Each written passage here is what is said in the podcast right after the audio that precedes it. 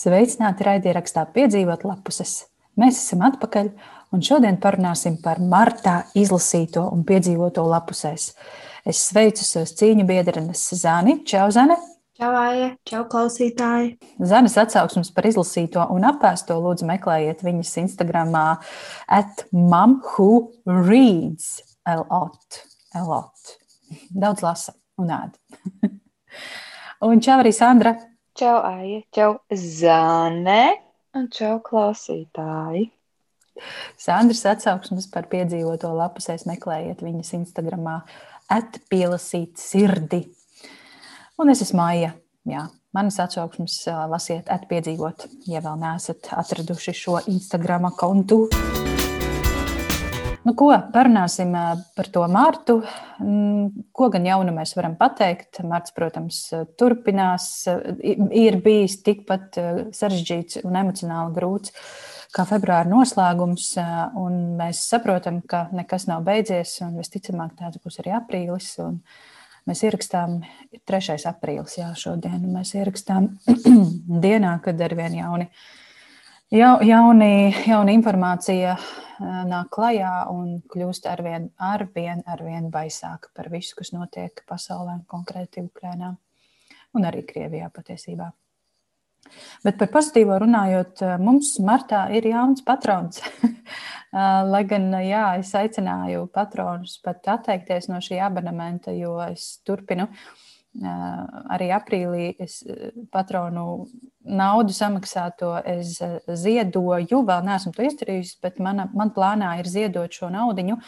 Nacionālās bibliotekas iniciatīvai viņi vāca naudu, lai paglābtu mm, šo kultūru, kultūras mantojumu Ukrajinā. Uh, tieši grāmatas, bibliotēku, kaut kādus, kaut kādus krājumus. Un, jā, tur ir vesels saraksts ar to, kas ir nepieciešams, lai, lai, šī, lai šis mantojums tiktu saglabāts un vienkārši jā, kaut kur nesapūtu un nekļūtu par smirdīgām vecām grāmatām. Es atvainojos. Es pirmo un pēdējo reizi pieminu šo, šo vārdu savienojumu, un mēs tam vairs nepieskarsimies. Um, Paldies eh, jaunajai patronai Elīnai, un paldies visiem patroniem, protams, kas turpina atbalstīt šo projektu. Eh, mums bija nosacīta patronu sērija, ko es eh, ieliku arī visiem klausām, un es domāju, vismaz šobrīd izskatās tā, ka tuvākie divi mēneši, aprīlis un maijs, būs ļoti, ļoti aizņemti. Mums ar zēni katrai savs, gan maģistra darbs jāraksta, bet tomēr tas būs sarežģīti un tas viss ir tādā veidā noslēguma posmā, kur vajag ļoti daudz eh, garīgā spēka. Arī fiziskā droši vien būs, būs vairākas naktis jāiztur pēc kārtas, īpaši noslēguma fāzē, pavisam pēdējās dienās, nedēļās. Tā kā ir visādi iemesli, kāpēc es mazliet, mazliet eh, pāri no raidieraksta. Es centīšos, protams, mēs runāsim šīs mēneša sarunas. Un es ceru, ka Zana un Sandra mēs trietā vēl ierunāsim, varbūt vēl kādu raidierakstu, ne, bet varbūt vēl kādu grāmatnieku anketas klādes turpinājumu. Bet pagaidām tā izskatās. Bet nu, nekas nav akmenī iecirsts galu galā. Jums ir kāds abām komentārs par manis teikto iepriekš minēto? Jā, jā es klausījos, viņa izņem vārdu eksāmenis un maģistra darbs. Tad uh, likās, ka pilnīgi par mani ir runā. Viss tur tāds uh, grūtāk regulēt teksts pēdējais etaps dablīdzīgi, bet uh, tas, tas, lai uh, paliek uh, miglātīts. Bet es pilnīgi es klausos, domāju, ka Dievs āja par mani runā. Bet uh, vispār runājot par um, to, kad marts ir beidzies, un īstenībā, kā tajā dziesmā, nekas vēl nav beidzies. Un, un uh, es vispār šim pašlaik neredzu arī beigas, jo pat ja ir kaut kādas tādas beigas, tad. tad um, nu, ko nozīmē dzīvot sagrautā vietā. Tas jau, tas jau nav beigas, tas ir, tas ir kaut kas tāds uh, vispār pat uh, neaptverams posms. Bet, jā, nu, katrā ziņā. Man vēl projām es dzīvoju kaut kādā, man šķiet, februārī, un uh, arī grāmatlasīšanā man viss ir tāds uh, Nu, ļoti, es teiktu, uh, rēmdens un uh, īsti negribas uztvert to, ko es lasu. Man ļoti, ļoti grūti gāja ar, uh, ar lasīšanu. Jā, paldies, ka atgādināji, ka ir jāraksta maģistra darbs, jo bija aizmirsus, ka ir mazāk kā divi mēneši laika. Ak, Dievs! Kā tu vari aizmirst vispār? Es neaizmirsu. Man tik ļoti bail, ka es nepaspēšu, bet tajā pašā laikā es neko nedaru, lai es paspētu. Un tad es vienkārši ieraukos kaut kādā bedrē, tu nepaspēsi, tad kaut kas ir jādara. Jā, bet es negribu neko darīt. Uh, nu, viss vienkārši tik sarežģīti. Mm, Nevar neko izdomāt. Prāts vispār nestrādā. Ne cik. Galvā ir tikai salmi. At Par, jā, lūk, par šo es labprāt parunātu. Par galvā tikai sa- salmi, jo martā man bija mana oficiālā otrā Covid epizode, kad es atkal izslimoju Covid. Galvā tikai salmi ir totāla sajūta, un es nesaprotu, vai, vai tas ir slimības dēļ, vai tas ir vienkārši apkārt notiekošā dēļ, vai vienkārši esmu nogurusi, vai pavasarī par maz vitamīnu. Bet tu, Zana, taču neesi izslimojis Covid, vai tu esi? Nē, nekad. Ha, ha, ha. Ah, tu esi viens no tiem laimīgajiem. Loterijā Kaut arī man paši testi ir bijuši pozitīvi. Lielie testi nekad nav bijuši. Pat man liekas, ka mums viena doktora teica ar Maiju, kad man bija, un Maija arī bija pozitīvs paštests. Nu, viegli tāda otra līnija. Viņa teica, jums ir kaut kāda skābi deguna vienkārši. Tāpēc jums rāda pozitīvs rezultāts, bet īstais tests atnāk negatīvs. Tāds, ok, paldies. Kāps deguns, tas ir tā kā mm, kompliments vai arī. es nezinu. Tas ir fakts. fakts. Skāps deguns. Jā. Nu, tad parunāsim par, par to, ko mēs esam izlasījuši martā. Un martā, lai nu ko, bet vienu grāmatu mēs visas esam izlasījušas. Un, eh, tā ir mūsu marta grāmata, mēneša grāmatā, Ukrāņu autoras Tamāras Horihas Zērņas. Stāsts, gra, romāns Meitiņa. Un eh, šo mēs izvēlējāmies, eh, protams, notikumu kontekstā. Jo kāpēc gan izlikties, ka tas, kas notiek, nenotiek, un izvēlēties kaut ko, kas absolūti neatbilst mūsu tā brīža situācijai un sajūtām? Manuprāt, manuprāt mēs izvēlējāmies izcilu grāmatu, kas ir trāpījusi īstajā laikā, īstajā vietā, ar īsto vēstījumu un sajūtu, kas ā, mums bija nepieciešama tieši martā. Kā jums īsumā par, par īsto grāmatu īstajā laikā? Mm, Man šķita ļoti smagi lasīt, jo tas, ka tu saproti, ka tas notiek tepat blakus, un tu lasi par to, kas tiešām ir noticis, tie ir nu, ne reāli notikumi, bet tie ir reāli notikumi. Tas tikai piedomāt nedaudz, varbūt fakti. Es domāju, tas ir viss, ko pati autora frontes līnijā redzējusi, dzirdējusi un jutusi. Un uh, tiešām grūti bija, jo tā jau ir tik daudz informācijas, kas uh, visu laiku, lai arī kur tu ieej, tu dzirdi tikai par karu. Nav tā, ka tev nav jābūt informētam, vienkārši ir informācijas pārdozēšana.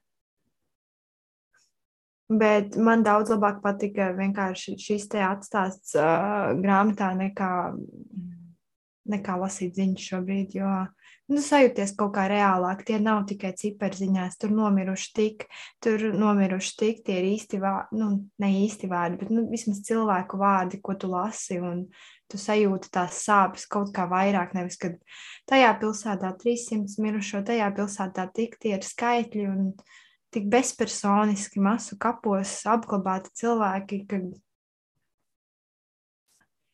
atceroties eh, grāmatu par akmentiņu, kur tie bija cilvēku vārdi pie akmentiņiem, tie, nu, tas ir savādāk. Tu sajūti to īstenību, ka tu lasi par cilvēkiem, nevis par skaitļiem. Jā, nu, es, es jau vairāk kārt esmu šo teikusi, ka vismaz mani tā grāmata baigi nolika.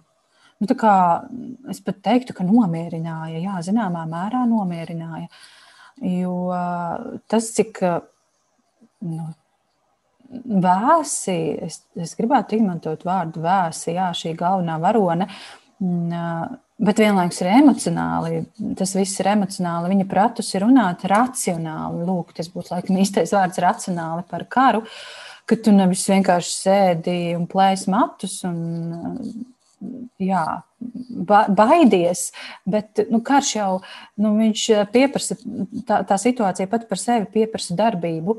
Jebkurā gadījumā, ja tu sēdi pagrabā un slēpies, tā ir darbība, tās ir emocijas, un, un nu, to, par to nevar uzrakstīt vienaldzīgi vai, vai kaut kā vēsi. Vai, bet jā, autori ir pratusi pielikt tajā visā arī ra, racionāli kaut kādu tādu devumu.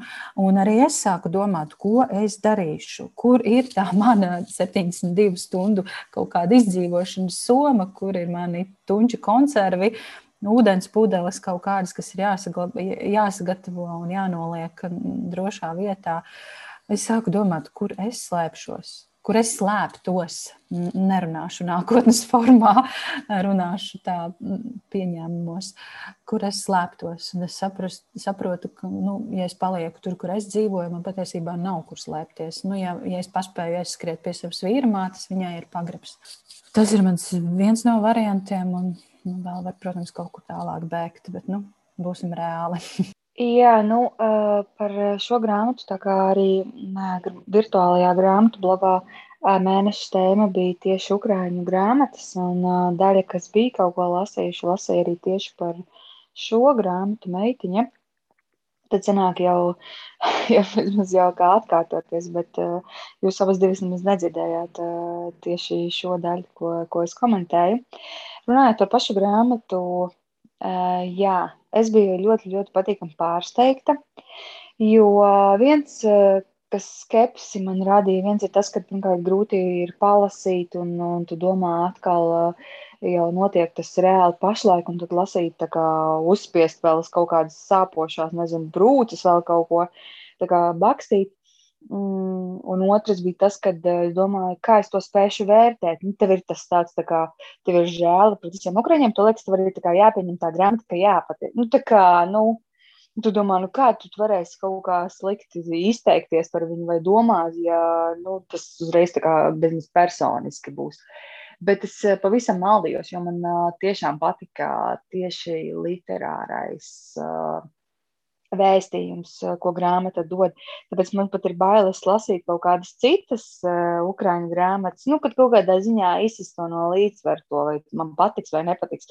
Tad man tiešām ļoti patika šī grāmata, jo viņa pat nav vienā žanrā jārākama. Viņa ir, es pat teiktu, uh, tāds tā kā spraiks, uh, spraiks spriedzes pilns sižets, kurā ir gan tāds karātā melnais humors, gan uh, ironija, gan tajā pašā laikā arī uh, reālas uh, detaļas, nu, ko varētu teikt, kaut kādas dokumentālas detaļas. Jo kā viņa šim ievadā raksta, kad uh, stāsti ir īsti, vienkārši ir cilvēki mainīti, un tas viss ir kopā salikts, kā lai izveidotu uh, vienotu sižetu.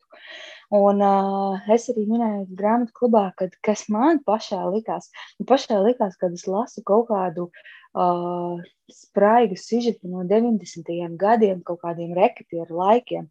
Nu, kaut arī tas ir par 2000 pēc 2014. gada, nu, tā kā reāli tās ir mūsdienas, bet tas viss, tas, kas tur notiek, tie jumti, kaut kāda aizstāvēšana, biznesa, kaut kādi nu, savējie čomi un izrēķināšanās. Un viss tas pārējais man liekas tiešām tā kā, tā kā kaut kādi reketieru laiki. Un uh, tieši tāpēc šis darbs ir tāds, nu, nu viņš, es biju iedomājies, ka tur būs nu, tāds ļoti tāds uh, nomācošs un uh, bēdīgs atskats par kaut kādiem notikumiem uh, Dienvidaustrumā Ukrainā.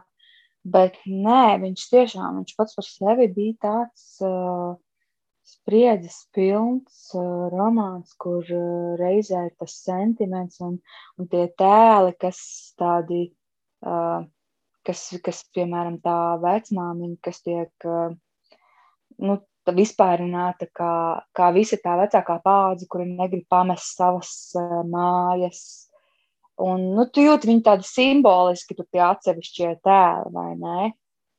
Un, un, un tajā pašā laikā galvenā varone man liekas ļoti, ļoti simpātiski. Nu, man liekas, ar tādu būtu interesanti tikties un, un nezinu, kopā doties piedzīvojumos, jo viņai tas mūsdienu kaut kāda tā tieksme radīt un izaugsme un, un, un mākslinieckais, un tajā pašā laikā tas, tas Ukraiņu, tas spēcīgais, ko mēs visi šeit redzam, tā kaut kāda tāda, tāda milz, milzīgs tāds spēks, tā kā nostāties uh, pretī un ar savu stipru mugurkaulu. Tāpēc nu, šī grāmata man katrā ziņā ļoti, ļoti pārsteidza tieši no literārā viedokļa. Un, un man tiešām patika, patika viņu lasīt.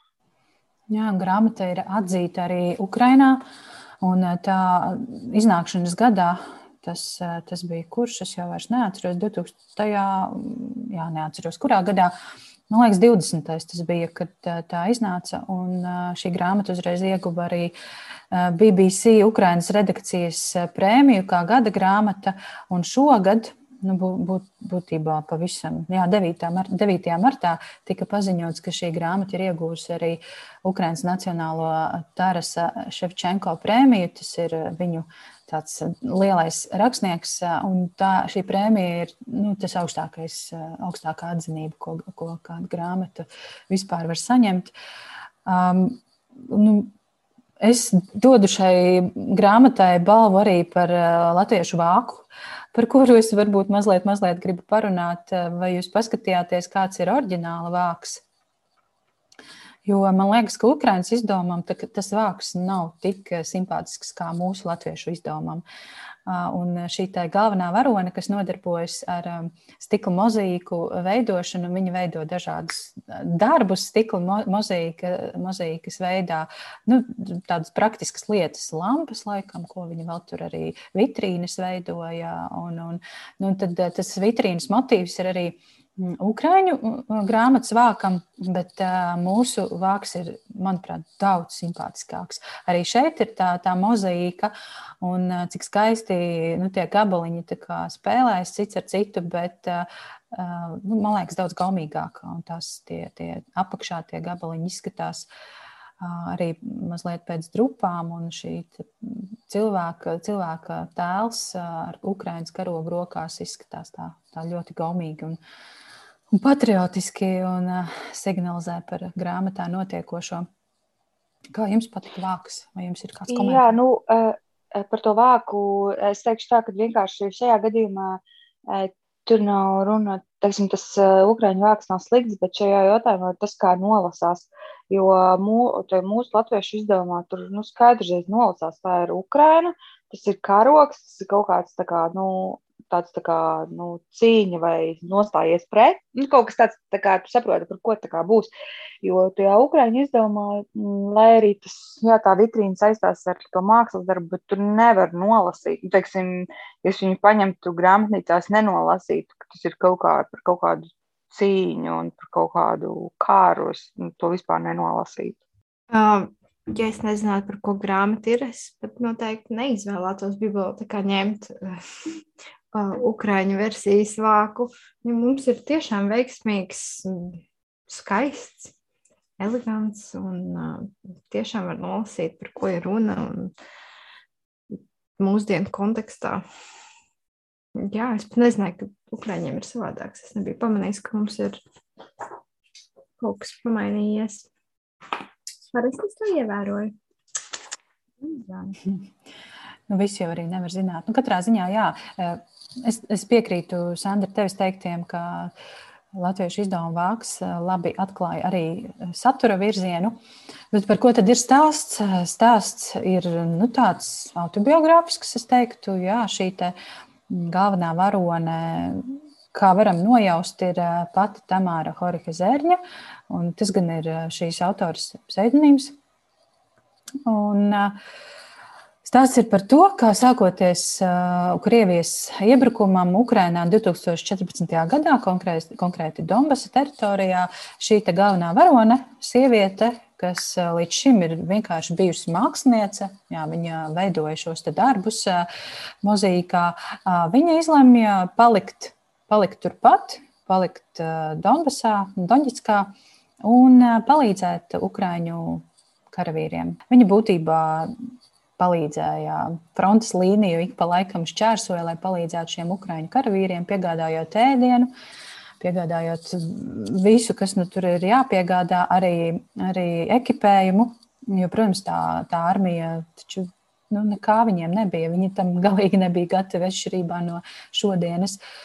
Uh, un, jā, bet uh, viņa veda līdzi kabatā granātu ja nu gadījumā kas, tad tas būs vieglākais ceļš, kā aiziet. Un, un kā mēs redzam, tās situācijas tur bija tiešām ļoti baisas un uh, daudzreiz viņai paveicās. Un uh, varēja pasmieties par to beigās, protams, bet stāsts, protams, ir ļoti, ļoti skaudrs. Kas jums palicis prātā? Ko jūs piedzīvojāt šajās lapusēs? Ko es gribēju teikt, ka atšķirībā no 2014. gada, mm, kāpēc arī tas viss tomēr tas notikums bija savādāks, jo, protams, lai arī tā bija tieši Krievijas ietekme, nu, kas izraisīja šo visu sacelšanos un, un nostāšanos, šeit man šķita ļoti zīmīgi, kad viņa prasa, ka tiklīdz karš ir sācies, viņi saka, nu, nu tā kā veči, kurā pusē jūs būsiet. Jo šeit vairs nebija runas, tā kā pašlaik tā kā tagad ir tikai krievi nāk no Krievijas ar tankiem un ir to.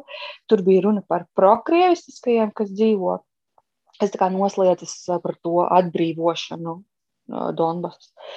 Uh, Un, uh, un tie, kas ir kā, nu, kas paliek Ukrāņu pusē kā par savu neatkarību.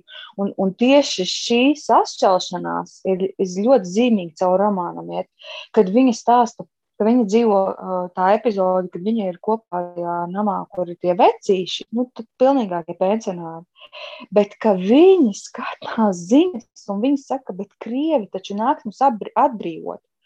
Un uh, neskatoties uz to, ka viņi ir pilnīgi nu, pretējās domās, viņi tomēr palīdz viņiem, jo tāpēc, ka tie tomēr ir nu, vecīši un, un nezinu, kaimiņi vai, vai kas viņi tur skaitās. Bet tie pašā laikā viņi apzinās, nu, pagaidiet, pagaidiet, jūs taču jūs pat nesaprotat, par ko runājat. Viņi atnāks un viņiem būs vienalga, jūs esat krie, par Krieviju, pret Krieviju vai kas jūs esat. Vienkārši jūs uh, paņems un uh, uzmetīs jums bumbu virsū. Un tieši šie, šajā romānā man visu laiku uh, tas tā, tā arī pašreizējā sajūta, tad, kad tu teiksim, skaties ziņas no Daugavpils, jā, tur jau vairs nav runa par kaut kādu, nezinu, Putinu un, un, un viņa viedokli. Tur ir, tur ir tas, ko tavs kaimiņš domā, un tā sajūta ir tāda, tāda ļoti briesmīga, jo, nu, es ne, nezinu, negribu daudz atstāstīt uh, sižetu tie, kas nav lasījuši, bet, teiksim, tur, kur viņas tas, nu, ne draugs, bet, nu, tas kompanons, komanda, kur pēkšņi viņš ir pretējā pusē un kad, kad uh, principā viņ, viņš gan arī gatavs viņu nošaut. Nu, tas, protams, savādāk vēlāk izrādās pavisam cits stāsts, bet uh, tajā mirklī viņai ir tās nāves bailes. Viņa domā, kā mēs taču tikko te kopā vēl bijām, kopā strādājām, kopā, nezinu, dzērām un smējāmies. Un tagad uh, man ir jādomā, ka viņš man vienkārši nogalinās, tāpēc, ka es uz ceļa esmu braucis ar mašīnu. Un, un, jā, un tieši, tieši šis, kad uh, es arī biju izrakstījis to citātu, kur viņš saka, nu, man ir tikai viens jautājums jums, kurā pusē jūs būsiet? Un man tas arī šis citāts ir izrakstīts. Jā. Jā, man arī, piedod, Sandra, es gribēju pateikt, ka man arī šis, šis citāts ir atzīmēts. Jā, būs karš, kurā, kurā pusē jūs cīnīsieties. Un, karš ir tāda lieta, kad, kurā nu, tev ir jāpieņem lēmums. Tu nedrīkstī vairs palikt pa vidu, kā šobrīd labi, es varbūt eh, mūsu burbulī to nejūtu, bet tā, tā pati Krievu sabiedrība. Nu, jā, mēs esam par mieru, eh, bet eh, tas ir arī viss. Nu, tas, tā ir, tā ir jā, tādā vidus, vidusposmā, palikšana vidusposmā, pelēkajā zonā. Un, uh, tas ir ļoti izdevīgi, jo pēc tam var viegli pārlikt uh, pie uzvarētājiem. Sandra, droši turpini. Karā nav pelēkās zonas. Ir vai nu viena vai otra. Ja tu izvēlies pelēko, tad tu esi nepareizajā pusē. Lai gan. Um, Tā tas ir sveiciet. Tieši lasīju, pārlasīju paksu mm, tur bija tāds citāts, kad uh, kurš tad iet cīnīties nepareizajā pusē? Visi jau domā, ka viņi ir pareizajā. Un, uh, jā, pelēkās nav, ir tikai nepareizā. Hmm. O, jā, tas man šķiet tik šausmīgi tieši tas, ka uh, nu, tā e tiešām tā epizode ar tiem vecīšiem. Domāju, viņiem nav ko ēst. Pilsēta ir ielēgta. Viņiem tūlīt beigsies ūdens, un viņiem nav kas atnest pārtiku. Bet viņi saka, tūlīt krievi mūs atbrīvos. Un, un nu, nu, tieši šī domāšana, kas, kas, kas ir viņa nu, tas ir tik satraucoši, vai ne? Mm. Tagad kaut kādā ziņā tā sajūta, ka tā Ukraina tomēr ir ļoti vienota un, un ka tomēr viņi tā kā nu, par to kopā cīnās un ka viņiem tas spēks, tas izklausās pilnīgi savādāk, jo, jo šajā grāmatā tie gadu notikumi, tie astoņi gadi, tur ir tāda pilnīga tāda, mēs esam šajā pusē, kaimiņš ir tajā pusē un uh, vai nu tu izvācies, un nezinu, mēs tur pasludinām savu, nu, savu brīvību, vai arī tu nāc cīnies. Un, nu, jā, nu, katrā ziņā šis ir, šis ir ļoti tāds uh, viedoklis, par ko arī padomāt, jo mēs, mēs pašlaik ļoti redzam, ka kā tā sabiedrība izrādās mums ir tieši tāda pati situācija šeit, arī Latvijā tādu pilnīgi neticamu. Nu, es dzīvoju tiešām citā burbulī, un man tas šitā pilnīgi neticam. Un tad, kad es uh, klausos, ko cilvēki arī ne, mazākās pilsētās uh, runā uz ielas, man tas vispār, es to vienkārši nespēju, es to nespēju aptvērt. Jā, nu katrā ziņā grāmata. Es atceros, ar kādām sajūtām es šo grāmatu paņēmu rokās. Es to nopirku. mēs, mēs, man liekas, norunājām, mēs lasīsim šo. Šī būs mūsu mēneša grāmata. Es kaut kad nākamajā dienā uzreiz aizsteigāju uz bibliotēku, ne uz bibliotēku, ne uz grāmatnīcu. Paņēmu, šķiet, ka tas bija pēdējais eksemplārs manā Ogres Jāņa Rožas grāmatnīcā. Un uh, es pat baigi nevilku garumā, jo es zināju, ka būs smagi. Un, ja es atstāšu to uz pēdējo nedēļu, būs vēl smagāk. Un šī ir viena no, no, viena no retajām mēneša grāmatām, ko es esmu izlasījusi jau būtībā mēneša sākumā. Un es to vispār nemaz nenožēloju. Jā, grāmatā ir ļoti smagas epizodes, kurā, kurās mēs jau atkal redzam, cik nežēlīga ir Krievu armija un šie karavīri. Nu, jā, bet es teiktu, Protams, noslēgums ir ļoti, ļoti, ļoti skumjš šai grāmatai. Un es ne, nevaru teikt, ka šī grāmata atstāja baigo vietu lielām cerībām. Bet tā tomēr atgādina un parāda, cik cīnīties griboši ir cilvēki kā tādi un ukrāņi kā tādi. Un es ceru, ka viņiem un nu, mums visiem kopā izdosies tomēr atvērt pasaulē acis, kāds ļaunums valda šajā, šajā sabiedrībā, šajā konkrētajā lielvalsts sabiedrībā, un tas ir bijis gadu desmitiem ārprāts. Es pajautāju um, Instagram sekotājiem, kā vienā vārdā viņi raksturotu Tamāras Horihas Zērņas grāmatu meitiņa, un šeit pavisam īsi um, joprojām neticama, Tas nav vienā vārdā, bet eh, tā tad nu, neticama un joprojām iekavās. Pašaizliedzība, jānobriest, lai izlasītu, sulīga, lieliska un sāpīga. Te ir uzrakstīts vienā vārdā - drosme, dzīves pilna, aizraujoša, mm, karš, drupas, drosme un vienā vārdā ar trim izsaukuma zīmēm jāizlasa.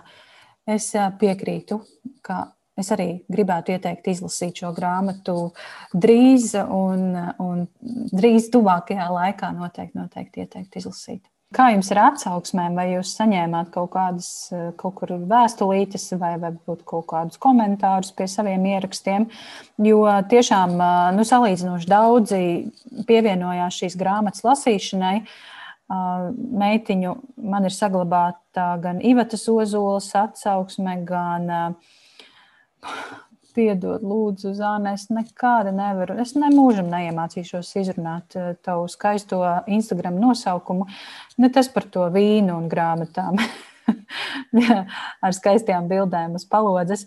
Jā, tā tad uh, tur ir atsauksme. Arī Mrs. Lasītāja Ieva ir lasījusi un uzrakstījusi atsauksmi. Mm, grāmatu balss uh, arī ir uzrakstījusi atsauksmi. Arī Kristīna Slava Yoga Life uh, ir uzrakstījusi savu atsauksmi. Un, Man, man patīk skatīties arī bildes pie šīm atsauksmēm, jo tur katrs ir padomājis, kā, kā noformēt un kā atsaukties kaut kā uz Ukraiņu karo krāsām. Tas ir forši. Jā, man, man prieks, es pat nezinu, vai ir vērts citēt visas šīs atsauksmes, jo tām visām, protams, ir viens vadmotīvs. Grāmata ir iespaidīga, patikusi un iesaka izlasīt. Ar to mēs varam arī beigt šo, šo diskusiju. Huh. Bet kas tad vēl martā ir izlasīts? Es uh, uzreiz varu pateikt, es paskatījos, ko es martā esmu izlasījis. Es pati biju šokā. Es esmu izlasījusi piecas grāmatas. Tas ir ļoti maz salīdzinot uh, ar, ar citām dzīvēm, ar, ar, citiem, ar citiem mēnešiem un citiem gadiem. Bet uh, es pieņemu, ka turpmākie Turpmākais laiks tāds arī būs. Būs, būs vienkārši ļoti grūti lasīt, jūs, jūs zinat to sajūtu, ka kaut kas ir jāizdara, bet es to negribu darīt. Varētu padarīt kaut ko citu, bet to citu jau arī īsti ne, nedrīkst darīt, jo ir jādara tas lielais darbs. Jūs saprotat, par ko es runāju. Un tā es veģetēju pa to māju un, un mēģinu kaut kā sevi savākt. Bet jā, pastāstiet, Zēna, Sandra, kā jums gāja ar izlasīto? Es beidzot izlasīju to, ko jūs abi jau izlasījāt februārī. Kas tas bija?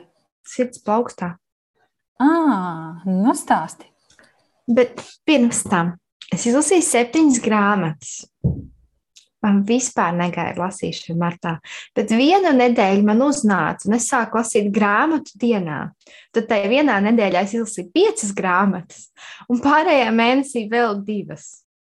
Baigies uzrāviens. Viena no tām bija 8. B klase, kur reāli ir 5 lapas, ko lasīt. Pēc sirds plaukstā, ak, Dievs, tā bija tik jauka grāmata. Es pat nenojautu. Hello! Hello! Hello! Jā, es zinu, labrīt! Hello! Es teicu, ka tā ir labākā uh, skolas vecuma grāmata vismaz šī, šogad, ko es nu, nezinu, ne? kas to pārspēs. Kāpēc man neviens neteica, ka šī ir laba grāmata? Izņemot, es neklausos, ko vispār cits. Tad, kad saka, jūs ka runājat par viņu, es zināju, ka es viņu lasīju, es jau biju pieteikusies bibliotekā rindā vai kaut kā tā. Un tad es neklausījos, ko jūs runājat, lai man nenospoilot. Atslēdzi mums, mums Nē, es mikrofonu. neatslēdzu, es vienkārši sāku domāt par kaut ko citu. Sadāk, es noklausos, ko jūs sakat, un tad es baigi ietekmējos. Īpaši, ja jūs sakat, ak, Dievs, tā bija tik laba, un tad es domāju, jā, tā noteikti ir tik laba, patiesībā man nepatīk. Bet es parasti Nē, nu, nespoiloju. es parasti Tāpēc arī sižetu- neviens neklausās šo raidījumu. Jo es parasti nespoiloju. Es tieši saku, ka nevar izstāstīt, par ko tur ir. Savādāk nav jēgas lasīt. Bet, Zana, nu, bet Zana, mēs ļoti ar Sandru centāmies nepateikt atslēgas vietas. Un mēs arī Tagad man vēl kreis pateikšu. uh, jā, ļoti skaisti. Un um, par ko tu biji? Nē, es zinu, par ko tur bija. Es domāju, ko lai pasakā, tā lai tagad pati nenospoilot visu. Par citādu un vienkārši par pusaudzes dzīvi, kas ir um, tāda pusaudze, kas ir uzņēmusies nenormāli daudz, ļoti gudra, runā vairākās valodās, iet kaut kādos 50 pulciņos. Un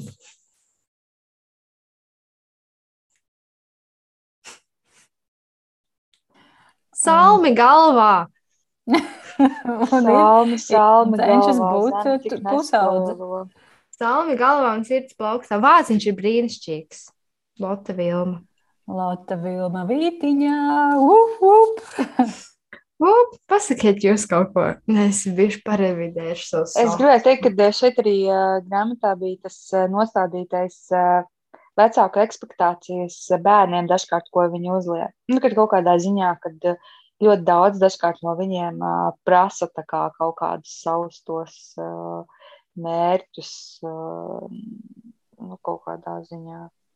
Nu, es diezgan pasen jau to grāmatu lasīju, bet es, es tiešām šo nejūtu. Bija ja tur tā? Zana? Man liekas, ka vairāk tā meitene pati šo, te, šo te, tā, pati sev to iedvesa, ka no viņas sagaida nenormāli daudz. Tā kā viņai par diviem ir jācenšas. Un, tas, man liekas, pašai viņai iekšienē bija, ka vairāk tas tēvs vienkārši gribēja viņu kaut kā nodarbināt, lai viņa, lai, nu, nezinu, kā lai pasaka. Tik grūti nenospoilot, tāpēc es neklausījos. Uh, nu, bet viņa jau visur tika sūtīta, arī tu jau nav tā, ka tikai viņa. Nu, jā, nu, tāpēc, protams, ka tēvs domāja, ka viņai tas patīk ka tas ir tas, ko viņa grib visu laiku darboties, visu laiku runāt visādās valodās, ka tas viņu briesmīgi interesē. Un viņa atkal ar šo viņai likās, ka vecāki viņai to uzspiež. Un tur ir tas, nu, kā jau pusauģis gados, un tu nesakonektējies ar vecākiem. Tev liekas, ka viņi domā tā, viņi domā patiesībā pavisam savādāk, un par tevi arī viņi domā otrādāk. Tīpaši par pulciņiem. Bet tu gribēji tur iet, kad tu mācījies otrajā klasītē. Tagad es mācos piektajā, un es vairāk negribu tur iet.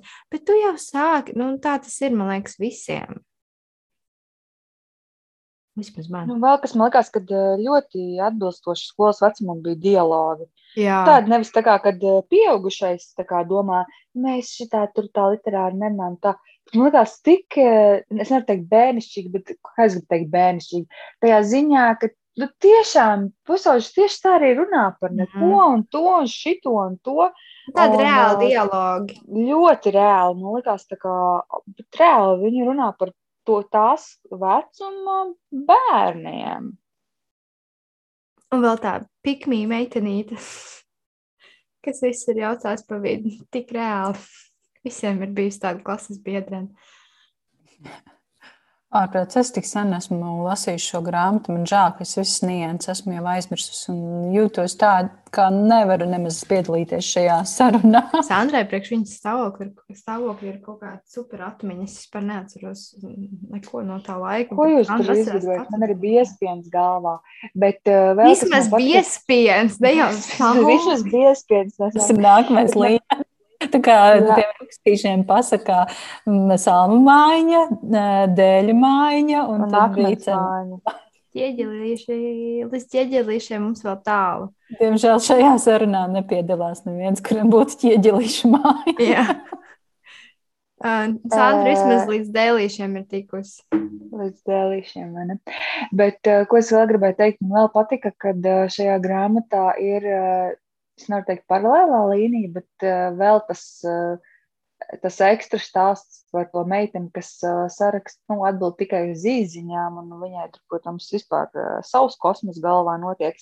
Bet man tas likās tāds, uh, nu, kad, kad tā tiešām arī ir, jo vienalga, kas mums tā kā liekas galvenais, nu, kas mēs esam centrā, mums ir tas mūsu stāsts, vienmēr taču blakus ir kāds, kuram arī ir tās problēmas, nu, arī ir kaut kādas uh, problēmas vai issue, vai ne? Un kad mēs pat uh, viņus tik bieži nemaz nepamanām.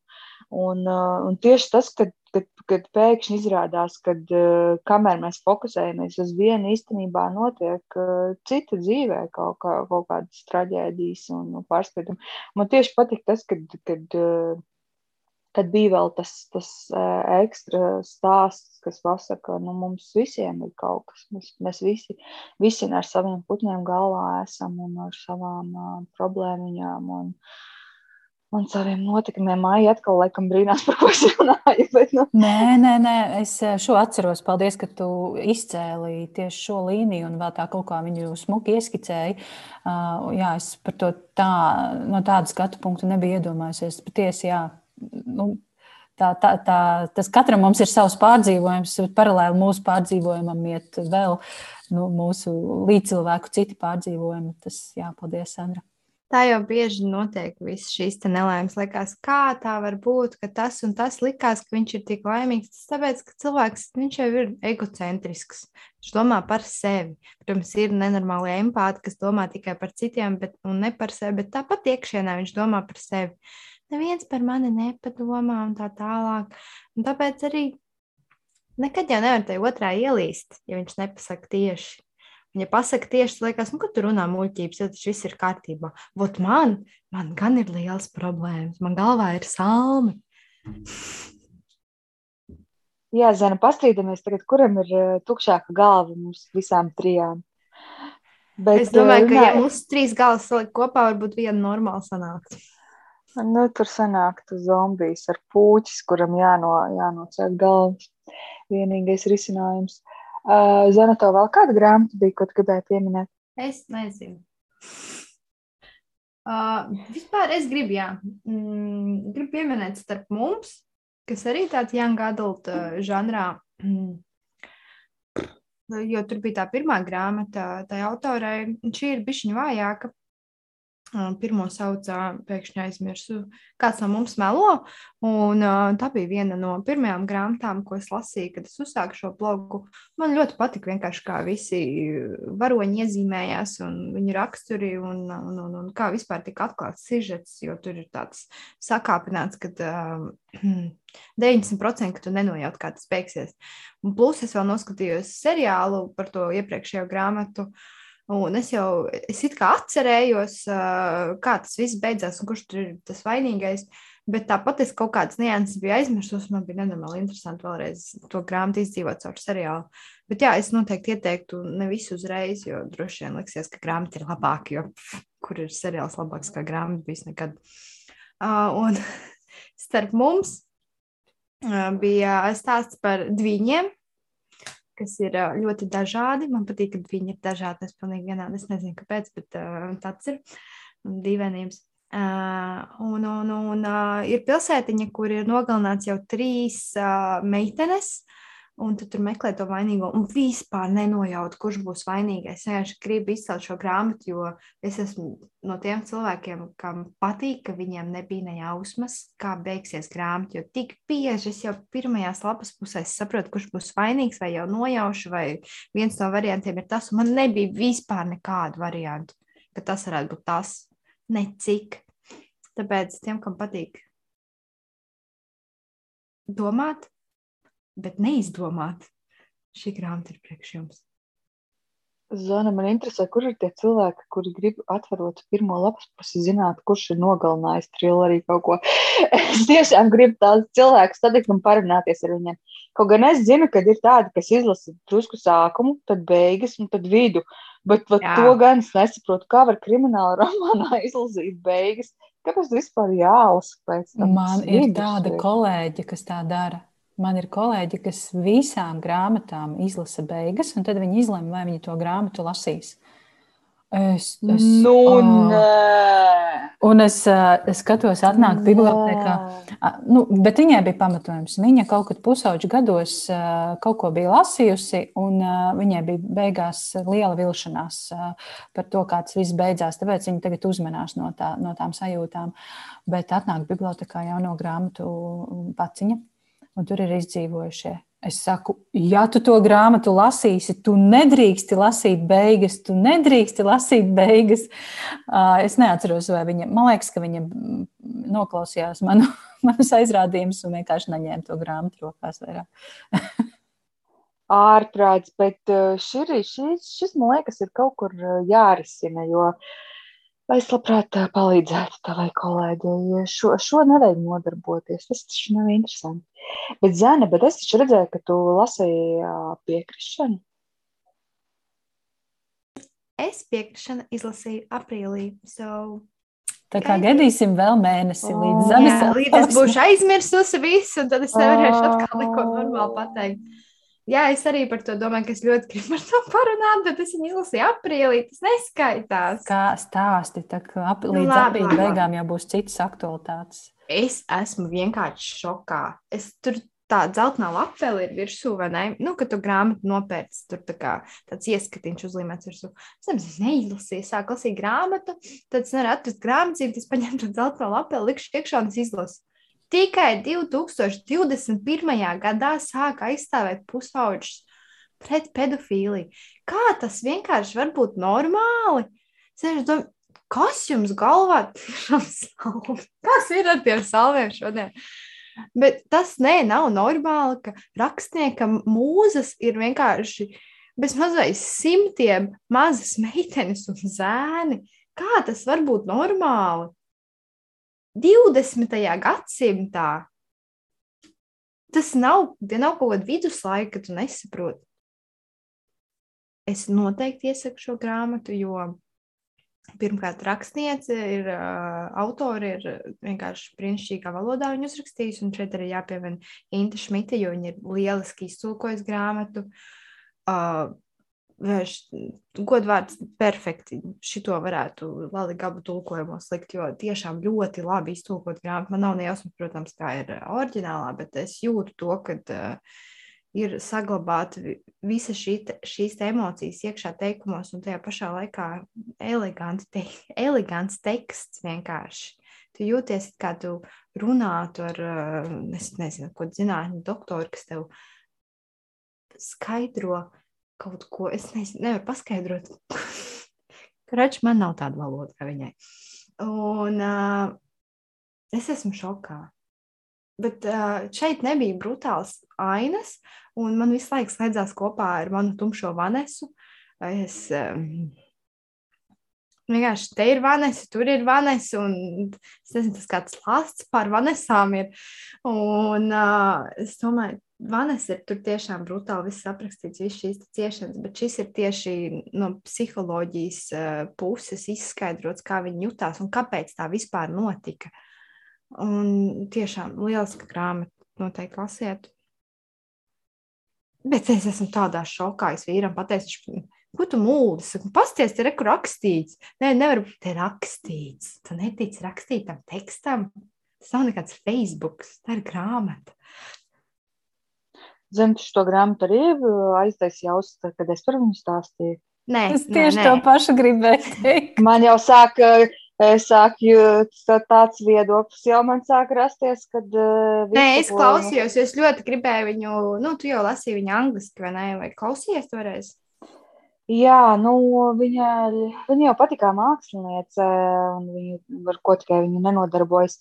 To var uzreiz just no literārā viedokļa, jo uh, Viens ir tad, kad grāmatu, teiksim, kā biogrāfiju saraksta vienkārši izdzīvojušais, pārdzīvojušais cilvēks, un viņš tā kā dokumentāli raksta, tad viņu šeit tomēr eh, raksta kā mākslinieks un kā literārā, un tas, ka viņai tur eh, saistīts viss ir ar grāmatām, lasīšanu un literatūru, un viņa tieši ir spēcīga literatūrā. Viņa tiešām bija, es viņu klausījos, bet viņa bija bauda, bauda klausīties, jo, jo viņa tik daudz lika uzdot visādus tos jautājumus, kāpēc ir, nu, kā ir ar to literatūru vai ne, kā mēs, kā mēs to mākslu pieņemam kā kaut ko augstāku, un tajā pašā laikā izslēdzam kaut kādas tās ētikas vai sociālās kaut kādas pārkāpumus, kāpēc mēs, kāpēc mēs kā sabiedrība to pieņemam. Un, uh, tas pats par to lolitu, vai ne? Un, uh, viņa tur pieminēja arī citus uh, darbus, kur uh, tieši mm, pieaugušo saistības ar nepilngadīgām personām. Bet, protams, es priecājos, ka šī grāmata nebija tieši mm, nu, ar vizuālām detaļām, nu, kaut kādām tādām, kur būtu grūti lasīt. Bet, bet no emocionālā viedokļa tas, ka, piemēram, mamma uzaicina viņus abas vakariņās, viņi sēž pie galda, to bija, to bija ļoti grūti pieņemt. Mamma, kur ir nu, augstāko, varētu teikt, aprendi, viņa tur izdevniecībā strādā un, un tam līdzīgi, ka viņi pie viena galda sēž ar, ar vīrieti, kurš viņas mazgadīgo meitu vienkārši seksuāli izmanto. Nu, emocionāli es teiktu, arī, jo taču tas viss, tas viss tāds eh, emocionālā vārdarbība. Un, eh, kad viņu, viņu, viņš aiziet, viņu izņem no skolas. Un neviens pat neuzdod jautājumu, kāpēc vīrietis nāk pakaļ viņai uz skolu. Nu, jā, tas viss tādas, tādas sīkas detaļas uh, lika tādas, nu, tik šausminošas ka neviens neko nedarīja. Es klausījos toreiz, kad Cēnu stāstīja par šo grāmatu, un es ļoti arī gribēju viņu tieši noklausīties audio. Man šķita, ka nu, šī grāmata, kā audio grāmata, uh, vienkārši izcili nostrādāt, jo nu, šīs emocijas, viņas nevis caur rakstīto tekstu, bet caur runāto, man liekas, vēl vairāk izpaustos. Uh, bet uh, es arī nepaspēju, jo zvaigznē bija drīzumā, un tad jau tad jau lasīšu arī, jo man, nezinu, es kaut kā nespēju audio grāmatām vispār pieķerties. Es kaut ko iesāku klausīties, un es sāku domāt kaut ko, un es vispār neko nedzirdu. Tāpat kā es nespēju koncentrēties filmām un seriāliem, es esmu vienkārši dīvaini. Un vēl es gribēju pateikt, viņi tur rakstīja par sevi, Un es tāda neglīta un tur plakana un tā tālāk. Es vienkārši skatos uz to vāku, kur ir tiešām viņa, kurā vietā vienkārši neglīta, brīnišķīga, skaista sieviete, izaugusi. Bet... Mm. Nē, nu šeit viņa jau tur visu laiku to teica, ka viņai tieši tā tēva tāda atgrūšana bija Vecāk tas, kas vainā. viņā Kas, jo tieši tas tēvs, jo tad, kad viņš arī tur parādās, viņš pilnībā varētu teikt, viņu tā kā nu, atgrūž, nepieņem tā kā, nepieņem kā meitu, kā cilvēku, kā sievieti, un viņai līdz ar to tā, tā vērtība vienkārši nu, zūd, un uh, pašvērtība zūd, un viņa uh, meklē uh, to, kur kāds, kāds cits vīrietis, pieaudzis vīrietis, kurš tā kā pilnīgi to tēva lomu viņai. Uh, uh, nu, to viņa ļoti akcentēja tieši to, ka, cik viņai ļoti tā tēva atzinība bija nepieciešamība. Un, un tieši tas, ka viņš teica, o, tur literāri, tur māca rakstīt, tev jāraksta un, un, un tam līdzīgi tā kā, tā kā mudināja, tad, tad viņai tāds Tāpēc arī šis bija tāds tā kā atriebības veids, kā vienīgais, kā viņa var atriepties. Viņam ir literāri arī par to rakstīt. Viņa tieši ļoti labi arī sanācis. Man, man tiešām ļoti patīk. Man šī grāmata ir iegādāta, stāv tuvumā. Kad es to izlasīšu, ļoti gribētos drīzumā, bet uh, jūtu, ka netik drīz tas izdosies. Es ātri nolasīšu, kas, kas bija spilgtākie piedzīvojumi lapusēs tiem, kas atbildēja uz mani jautājumu Instagram. Un, protams, tie ir ļoti dažādi, bet te ir arī Agris, kurš atzīmē piekrišanu. Tas ir tas, ko jūs tikko stāstījāt.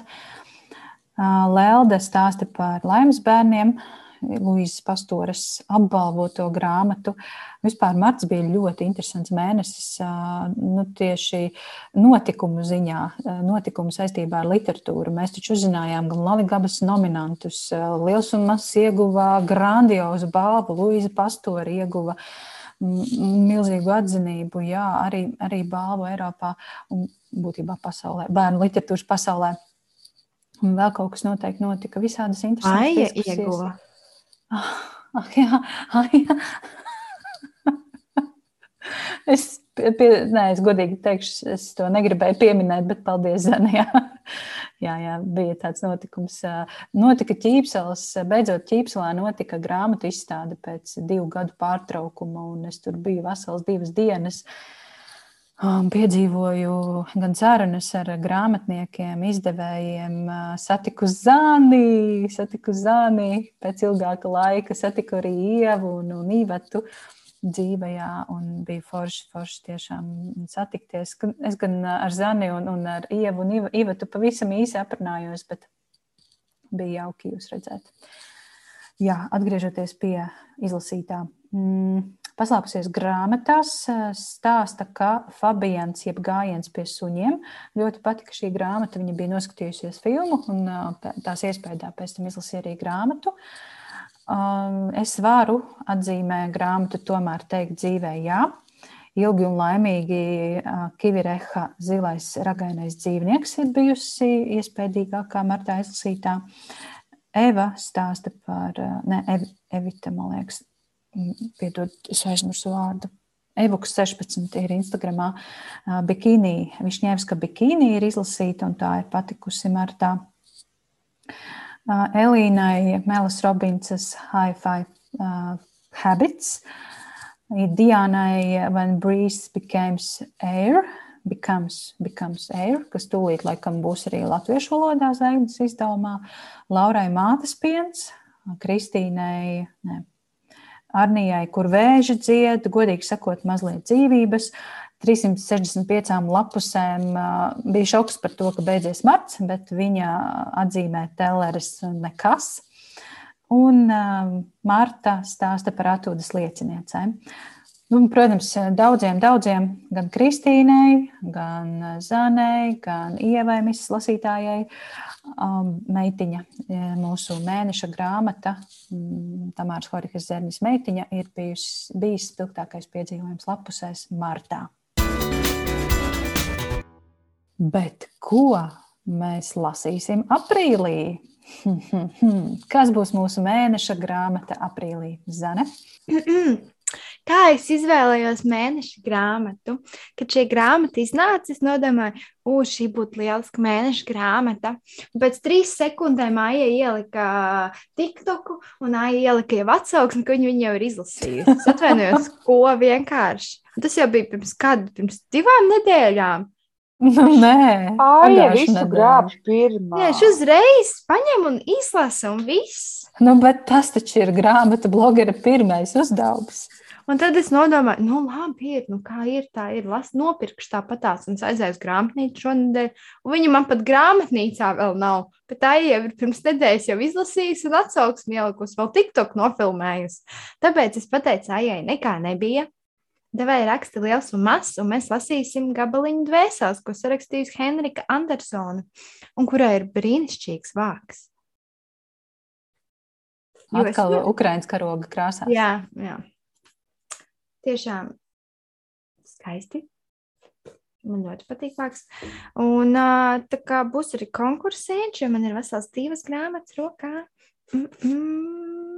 Tā kā šoreiz mēs aju pastumam malā ar viņas uh, precizitāti un perfekcionismas, uh, perfekcionistas uh, iemaņām.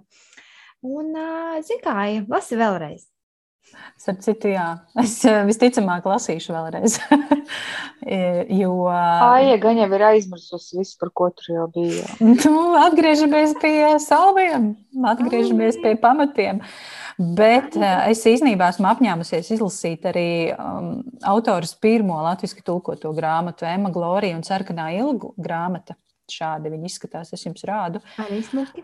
Nu, tas, tas ir, tā ir pirmā liels un mazs jauniešu sērijas grāmata. Ar šo viņi sāka kaut ko izdot arī jauniešiem, ne tikai bērniem, bet, bet jauniešiem. Un tas Kura sākās. Grāmata ir uzrakstīta. Mm, Grāmata ir uzrakstīta 9. gadā, pirmoreiz, ne, 8. gadā ir uzrakstīta, izdota 9. gadā un latviešu valodā 13. gadā. Tas ir jau ļoti pasen. Tas ir jau ļoti pasēta, bet jau šai grāmatai ir mākslinieces Rūtas Briedas vāks. Un ar to visas pārējās, nu jau kopā četras šiem, šī, jauniešu sērijas grāmatas arī izceļas ar šiem rūtas briedas vākiem. Un sērijā ir Ema Glorija un Cerkanā ilgu grāmata. Tagad pēdējā šī gabaliņš dvēseles, un pa vidu vēl ir pagājušajā gadā izdotā tu redzēji, tur ir cita, cita autora, un kā suns kā kaķis vēl arī pirms, pirms gadiem izdotā. Bet Emu Gloriju es neesmu lasījusi, un es ļoti, ļoti, ļoti gribu izlasīt eh, aprīlī. Arī emu gloriju un pārlasīšu arī gabalīšu dvēseles. Es domāju, ka aprīļa beigās, runājot par šo grāmatu, mums varētu sanākt laba diskusija par to, ko var, ko nevar, ko drīkst, ko nedrīkst skart jauniešu literatūrā. Jo jā, ne, tur būs būs uh, bišķiņ tādas provokatīvas uh, ainiņas un uh, interesantas epizodes. Bet man interesē jā, jūsu sajūtas, un arī klausītāji es aicinu pievienoties šīs grāmatas lasīšanā. Henrika Andersone, zviedru autore, gabaliņš dvēseles, un no zviedru valodas šo grāmatu ir tulkojusi Inga Mežeraupe. Uh, Iegādāties var liels un mazs internetu veikalā. Tur grāmata ir mazliet lētāka. Un, ja jūs vēl varat aiziet uz liels un mazs biroju tērbats ielā, tad jums nebūs jāmaksā par piegādi. Un visās Jāņa Rožas grāmatnīcās arī droši vien, ja vēl nav, tad, tad tuvākajā laikā jābūt noteikti. Um, jā. Runājot par liels un mazs, mums noteikti Jāpasaka, mēs arī virtuāli apsveicām Martā liels notikums, vai ne?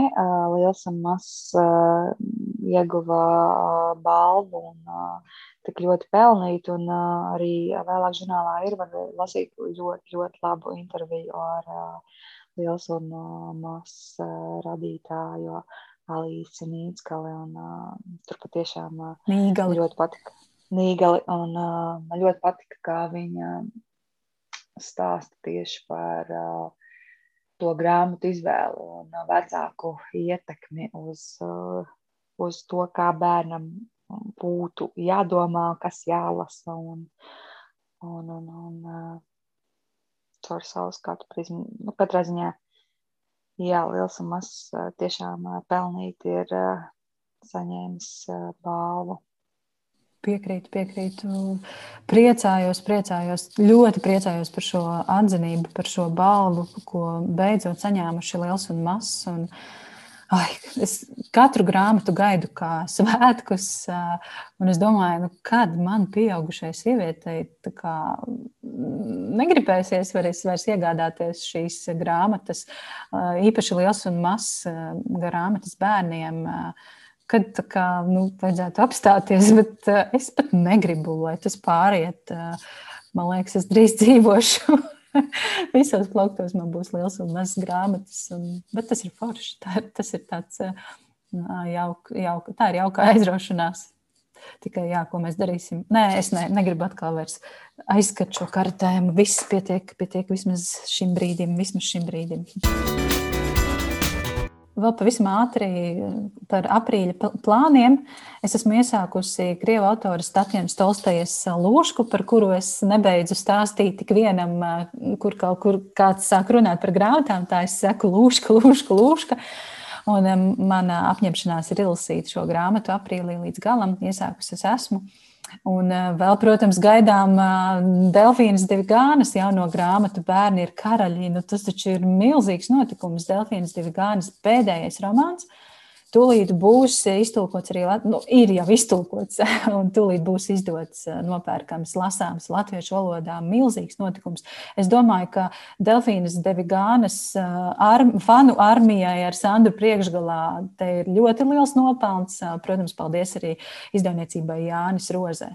Tā kā gaidām šo grāmatu arī ļoti, ļoti. Es gaidu daudz grāmatas vēl arī kuras nāk un nenāk, bet pašlaik man lasīt, ar lasīšanu ir, nu, es vairāk lasu ēnas un gaismas sienā nekā lapas grāmatā, tā ka man kaut kā jāmēģina fokusēties. Zaņukam plānā stāv divas Latvijas mēdīņas nesen izdotās grāmatas mīlestības pavasaris. Un, protams, Zanas Eniņas tulkotais darbiņš Trako sieviešu balva. Tāds Helijus man ir atsūtījis arī mierīgos bērnus, ko es bišķiņ iesāku gaidot pie higienas trindā. Šķiet labi, man patīk biezums. Man besīgi, kad ir beig biezās grāmatas pašpalīdzības. Nu, visam jābūt īsi un lakoniski. Un vēl es iesāku tomēr teikt dzīvē jā. Un uh, Pagaidām ir ok, bet nu, es esmu tikai 20. lapas pusē. Kādreiz paņēmu izvēli no bibliotekas, tomēr no bibliotekas. Neviens nebija pieteicies, vienā varat iedomāties. Neviens. Man likās dīvaini, bet nu, cerams, ka būs labi. Jā, jā, es jau zinu, ka būs labi, jo Sandra jau par viņu runāja. Blā. Nu, ko? Nu, labi. Nu, tad lasām aprīlī, lasām, piedzīvojam uh, Cerams, ka mieru lapusēs, eh, vai nu, ko mēs vēlamies lapusēs, to arī piedzīvojam. Un tiekamies, eh, aicinu visus pievienoties arī mēneša grāmatas lasīšanai, lasām Henriks Andersonas gabaliņa dvēseles. Un eh, tiekamies pēc mēneša, tiekamies citās lapusēs. Tā! Tā! Tā!